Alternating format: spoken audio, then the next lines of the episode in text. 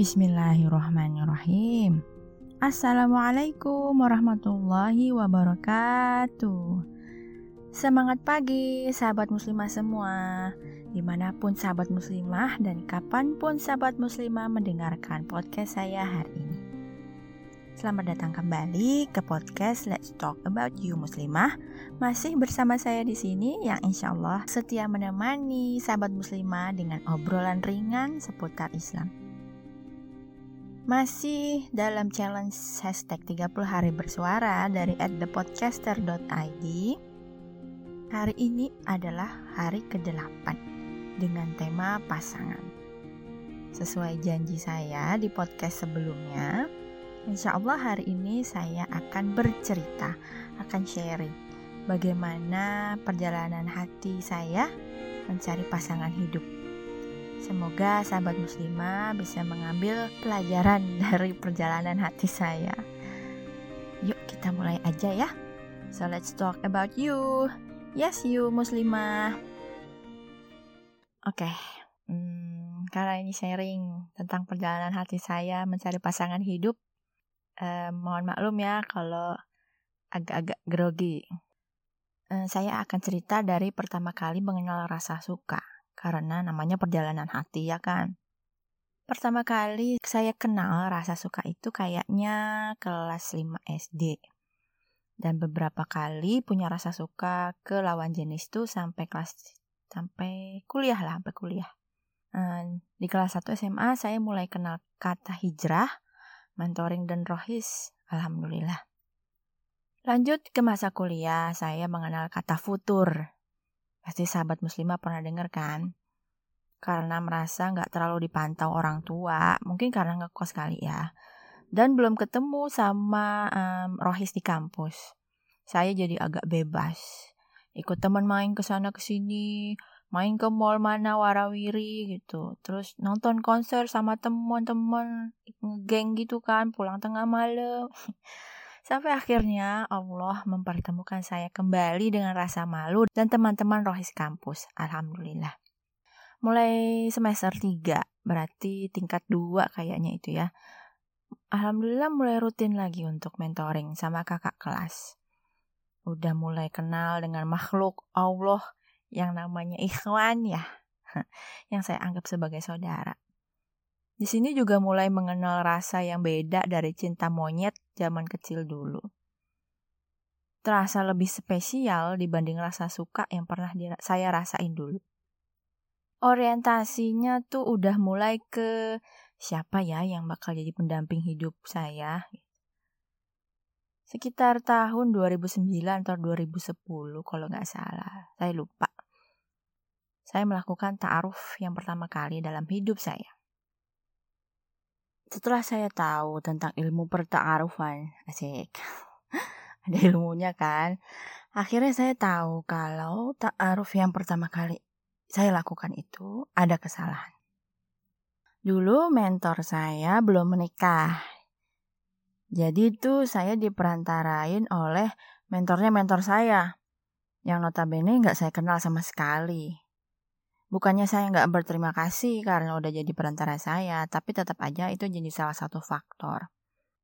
Suasana pas ta'aruf jadi kaku dan saya jadi nggak tahu harus gimana seharusnya ketika ta'aruf itu. Cuman ngikutin arahan dari orang yang gak saya kenal sama sekali. Ikut arus aja. Dan lagi di situ saya tuh merasa seperti mm, dicie-ciein. Gimana ya maksudnya? Uh, kayak di tinggi-tinggiin gitu loh. Eh, cie-cie gitu. Oh Masya Allah ihwannya soleh banget gitu loh. Kayak di sanjung-sanjung gitu. Dinaikin perasaan saya kalau kemungkinan besar tuh saya akan jadi dengan Ikhwan tersebut. Saya belum ngerasa aneh tuh waktu itu. Karena belum punya ilmu ta'aruf kan, jadi saya fine-fine aja. Sambil nerusin istikharah dan berdoa kepada Allah untuk diberi petunjuk apakah benar Ikhwan tersebut tuh jodoh saya. Akhirnya sampailah ke tahap Ikhwan tersebut datang ke rumah saya untuk bertemu dengan orang tua dan menentukan tanggal khidbah. Ternyata saat itu saya baru tahu kalau Ikhwan tersebut pindah kerja. ke salah satu perusahaan yang diboykot karena mendukung Israel. Saya mikir dong, apa ini salah satu petunjuk dari Allah? Ya, karena jujur aja, semenjak saya tahu tentang Palestina dan perusahaan boykot, saya memantapkan hati untuk mengurangi pemakaian produk dari para perusahaan yang diboykot tersebut. Dan gak mau kalau punya suami berpenghasilan dari perusahaan boykot tersebut. Bukan saya mengharamkan loh ya, bukan sama sekali bukan mengharamkan. Itu udah urusan hati masing-masing orang gitu, mau berprinsip kayak gimana. Setidaknya saya udah mengambil sikap yang pasti. Akhirnya saya chat langsung Ikhwan tersebut dan minta penjelasan kenapa pindah kerja ke sana dan nanya apa dia tahu tentang perusahaan boykot atau enggak gitu. Ternyata dia jawab nggak tahu dan minta saya jelasin. Saya pikir ke mana aja dia sama ini. Gak tahu berita terhangat saat itu. Itu tuh amat-amat hot waktu itu berita-beritanya. Lagi masa panas-panasnya Israel Palestina. Akhirnya saya sampaikan prinsip saya ke hewan tersebut dan bilang kalau saya nggak bisa menerima kalau ternyata uang yang didapat untuk keluarga hasil dari perusahaan boykot. Setelah pembicaraan alot lewat chat, Iwan itu bilang nggak bisa keluar dari sana karena benar-benar baru pindah dan masuk ke sana kurang dari dua bulan. Akhirnya saya langsung ambil sikap. Saya putuskan untuk stop proses ta'aruf itu. Karena gimana ya? Kalau udah nggak serak di hati, mau dilanjut tuh juga nggak bisa. Sahabat muslimah pasti pernah kan dalam kondisi kayak gitu. Dan ketika itu, saya ambil sikap stop proses, dia Ikhwan tersebut menerima dan menghargai keputusan, keputusan saya, kata dia di chat. Setelah clear dan yakin kalau udah sama-sama sepakat nggak nerusin, saya move on dong. Berarti memang dia bukan jodoh saya. Ya karena suami saya ya bukan dia gitu yang sekarang. Tapi ternyata sahabat muslimah, dua minggu atau beberapa minggu gitu setelah kesepakatan itu, saya dapat telepon dari murabi baru Ikhwan tersebut. Jadi Ikhwan tersebut baru pindah halakoh. Yang intinya murabi Ikhwan tersebut tuh ngebujukin saya lagi untuk nerusin proses ta'aruf itu coba. Karena ternyata Ikhwan tersebut udah ada rasa ke saya dan bilang nggak bisa kalau nggak nikah dengan saya. Pembicaraan alot, terus bujuk bujukan yang menurut saya gimana ya rasanya tuh kayak diteror sih bukan dibujuk malahan karena prinsip saya diabaikan gitu sama beliau ini. Dan dibilang jangan terlalu keras lah pada diri sendiri. Masa begitu? Saya nggak nanggepin sama sekali telepon tuh. Saya diem aja. Kecewa dan sakit hati karena merasa prinsip hidup saya diabaikan. Nangislah saya. Sampai telepon itu mau saya tutup pun, beliau masih tanya, kira-kira kapan mbak mau ketemuan lagi untuk lanjutin proses. Ya, saya pikir ya gila kayaknya ya. Aduh, maaf nih, kurang sopan bahasanya. Habis gimana? Anak orang dibikin trauma kayak gini coba. Di, di teror itu loh, saya ngerasa saya diteror untuk ngelanjutin proses. Saya langsung nangis kejer di kosan lagi sendirian pula. Terus akhirnya curhat ke sahabat saya yang udah nikah. Apa iya saya salah ambil sikap gitu kan? Ya, pokoknya taruh pertama itu uh, meninggalkan, menorehkan, asik, menorehkan rasa kecewa dan trauma besar ke saya. Tentang ta'aruf terutama. Sampai setahunan lah, setahun lebih kayaknya, hampir dua tahun kayaknya saya ngerasa nggak mau taruh dulu waktu itu karena saya ber, uh, apa niat saya begitu ya nggak ngerasa nggak mau taruh dulu kayaknya setahun eh ternyata setahun kemudian setahun lagi gitu maksudnya saya sama sekali nggak ada tawaran untuk taaruf. Padahal di tahun sebelumnya ada tuh udah ada beberapa kali dapat tawaran untuk taaruf lagi. Tapi gimana? Belum bisa ya kan? Karena karena trauma.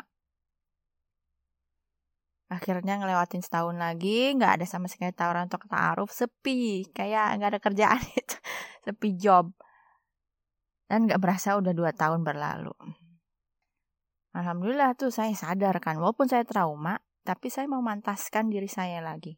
Nyari ilmu lebih banyak lagi. Fokus ke orang tua, karir, kerjaan, sampai akhirnya datang tahun 2011. Saya ingat banget waktu itu saya lagi jadi penitia pernikahan teman di bulan Maret 2011. Saya dapat telepon dari sesembak yang satu halakoh dengan saya yang bilang mau ketemu saya buat kasih sesuatu. Karena penasaran, akhirnya saya datanglah ke rumah mbak itu. Dan akhirnya dikasih tahu kalau saya tuh mau dikasih CV seorang ikhwan. Teman halakoh suami mbak tersebut. Pas saya lihat, kok di dalam map gitu kan. Terus pas dibuka, kok tebel amat, lebih tebel dari punya saya. Kayak kayak proposal mau ngadain event gitu. Oh, nggak kebayang nggak? Pokoknya ada hampir 10 lembaran kayaknya. Lebih mungkin. Ya, akhirnya saya bawa pulang lah kan dan saya pelajari. Dan dikasih waktu satu minggu buat mikir-mikir mau lanjut atau enggak. Sampai rumah saya kasih tahu orang tua dong kalau saya dapat CV Ikhwan lagi. Ah, uh, ini perlu digarisbawahi. Saya dan kedua orang tua saya sudah sepaham ya mengenai proses ta'aruf. Karena alhamdulillah uh, dari SMA saya udah ngobrol tentang menikah dan pandangan saya tentang menikah, tentang ta'aruf gimana dengan orang tua saya.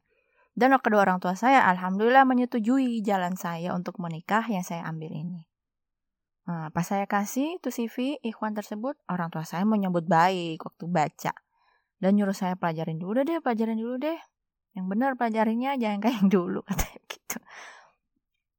Setelah saya pelajarin dan saya lihat belum ada sesuatu yang bermasalah buat saya dalam CV tersebut, ya udah saya putusin, oke okay, lanjut proses mbak, gitu saya bilang. Hewan tersebut juga mau lanjut dan akhirnya ditetapkan untuk ketemuan Nazor ya di rumah Murabi Ikhwan tersebut. Di sana ta'aruf mulai deh tuh dari Ba'da Asar dilanjut sampai Ba'da Isya. Dipotong sholat loh ya. Ta'aruf terlama yang pernah saya lakuin coba. Karena waktu itu Ikhwan tersebut masih kerja di Purwakarta. Jadi nggak bisa bolak-balik per minggu gitu buat ta'aruf berkali-kali. Selesai ta'aruf ya pulang masing-masing lah. Lah saya bawa motor sendiri, dia aja juga bawa motor sendiri. Ngapain pulang bareng? Kenal juga belum. Tiga hari setelah itu saya juga uh, udah ngobrolin hasil ta'aruf sebelumnya ke orang tua. Nggak ada masalah sama sekali. Tinggal nunggu kabar aja dari ikhwannya mau lanjut atau enggak. Dan alhamdulillah Ikhwan tersebut mau lanjutin proses. Oke, Gayung bersambut, saya pun lanjut. Kemudian ditentuin lagi tanggal untuk Ikhwan tersebut kenalan dengan ortu dan keluarga serta perwakilan mama saya. Karena saya orang Minang. Di rumah orang tua saya. Dan begitu juga sebaliknya, ortu Ikhwan tersebut minta saya untuk kenalan langsung dan datang ke rumah mereka. Maksudnya saya nggak datang sendirian lah, ditemenin sama mbak satu halakoh yang ngasih saya CV kemarin sama suaminya. Ketika saya kenalan dengan ortu ikhwan tersebut, bapaknya bilang tentang rencana tanggal khidbah saya. Dan minta saya untuk bilang ke ortu saya, ditetapkan di bulan April 2011. Gak tahu kenapa, saya itu gak ada rasa deg-degan sama sekali. Atau bahkan tuh rasa gugup, gemeteran, keringetan tuh gak ada dari awal taruh sampai akad nikah berlangsung. Saya dan Ikhwan tersebut nggak pernah kontakkan langsung sama sekali. Selalu lewat ibu atau kakak saya yang udah nikah kalau mau komunikasi apa-apa. Dan saya selalu melakukan istikharah. Ditambah juga jadwal tilawah dan sholat sunnah diperbanyak biar komunikasi ke Allah juga lancar. Masya Allah, Allah kasih petunjuk tuh lewat tilawah sama dua kali lewat mimpi. Tapi saya nggak terlalu percaya banget sih yang lewat mimpi karena kan takut ada campur tangan setan di situ. Eh, atau ke bawah alam sadar karena udah merasa condong ke ikhwan tersebut takutnya. Tapi bukannya saya merasa condong, ya, nggak tahu, nggak ada rasa-rasa apa gitu pokoknya nggak ada. Oke lanjut ya, tanggal khidbah udah dateng nih, bulan April kan. Dan alhamdulillah terlaksana dengan aman dan lancar tanpa kendala apa pun. Cuma cincin lamaran aja yang kekecilan di jari. Karena memang pada dasarnya ya nggak pernah ngukur jari juga ya jadi kalau kekecilan ya wajar lah dan akhirnya ditentuin itu tanggal akad di bulan Juni 2011 Alhamdulillah persiapan menuju akad terbilang lancar dan gak ada kendala berarti. Ibarat kata cuma tinggal nulis nama calon mantan laki aja, yang lain mah udah siap gitu. Masya Allah. Allah tuh bener-bener sweet banget, so sweet gitu. Selama penantian itu, saya makin kencengin deh tuh ibadah dan komunikasi ke Allah. Gak lupa persiapin ilmu rumah tangga buat nanti kalau jadi nikah. Dan akhirnya saat yang dinanti pun datang. Tanggal akad tersebut tiba. Dan ikhwan tersebut Allah takdirkan jadi pendamping sehidup di surga saya. Insya Allah sampai saat ini. Nah, sahabat muslimah, itu dia cerita perjalanan hati saya dalam mencari pasangan sehidup sesurga insya Allah. Dari cerita saya, apa yang bisa sahabat muslimah simpulkan? Untuk hari ini, saya berikan kesempatan sahabat muslimah untuk ambil kesimpulan sendiri ya. Semoga yang sedikit ini bisa memberikan manfaat dan pelajaran dalam hidup sahabat muslimah semua. Nah, untuk podcast besok, temanya adalah keluarga. Apakah yang akan saya bahas? Pantengin podcast saya besok ya. Terima kasih udah mau luangin waktu mendengarkan kisah saya hari ini. Semoga nggak bosan untuk dengerin podcast saya selanjutnya. Kesalahan pasti datangnya dari saya pribadi. Saya mohon maaf lahir batin. Sampai ketemu besok. Wassalamualaikum warahmatullahi wabarakatuh.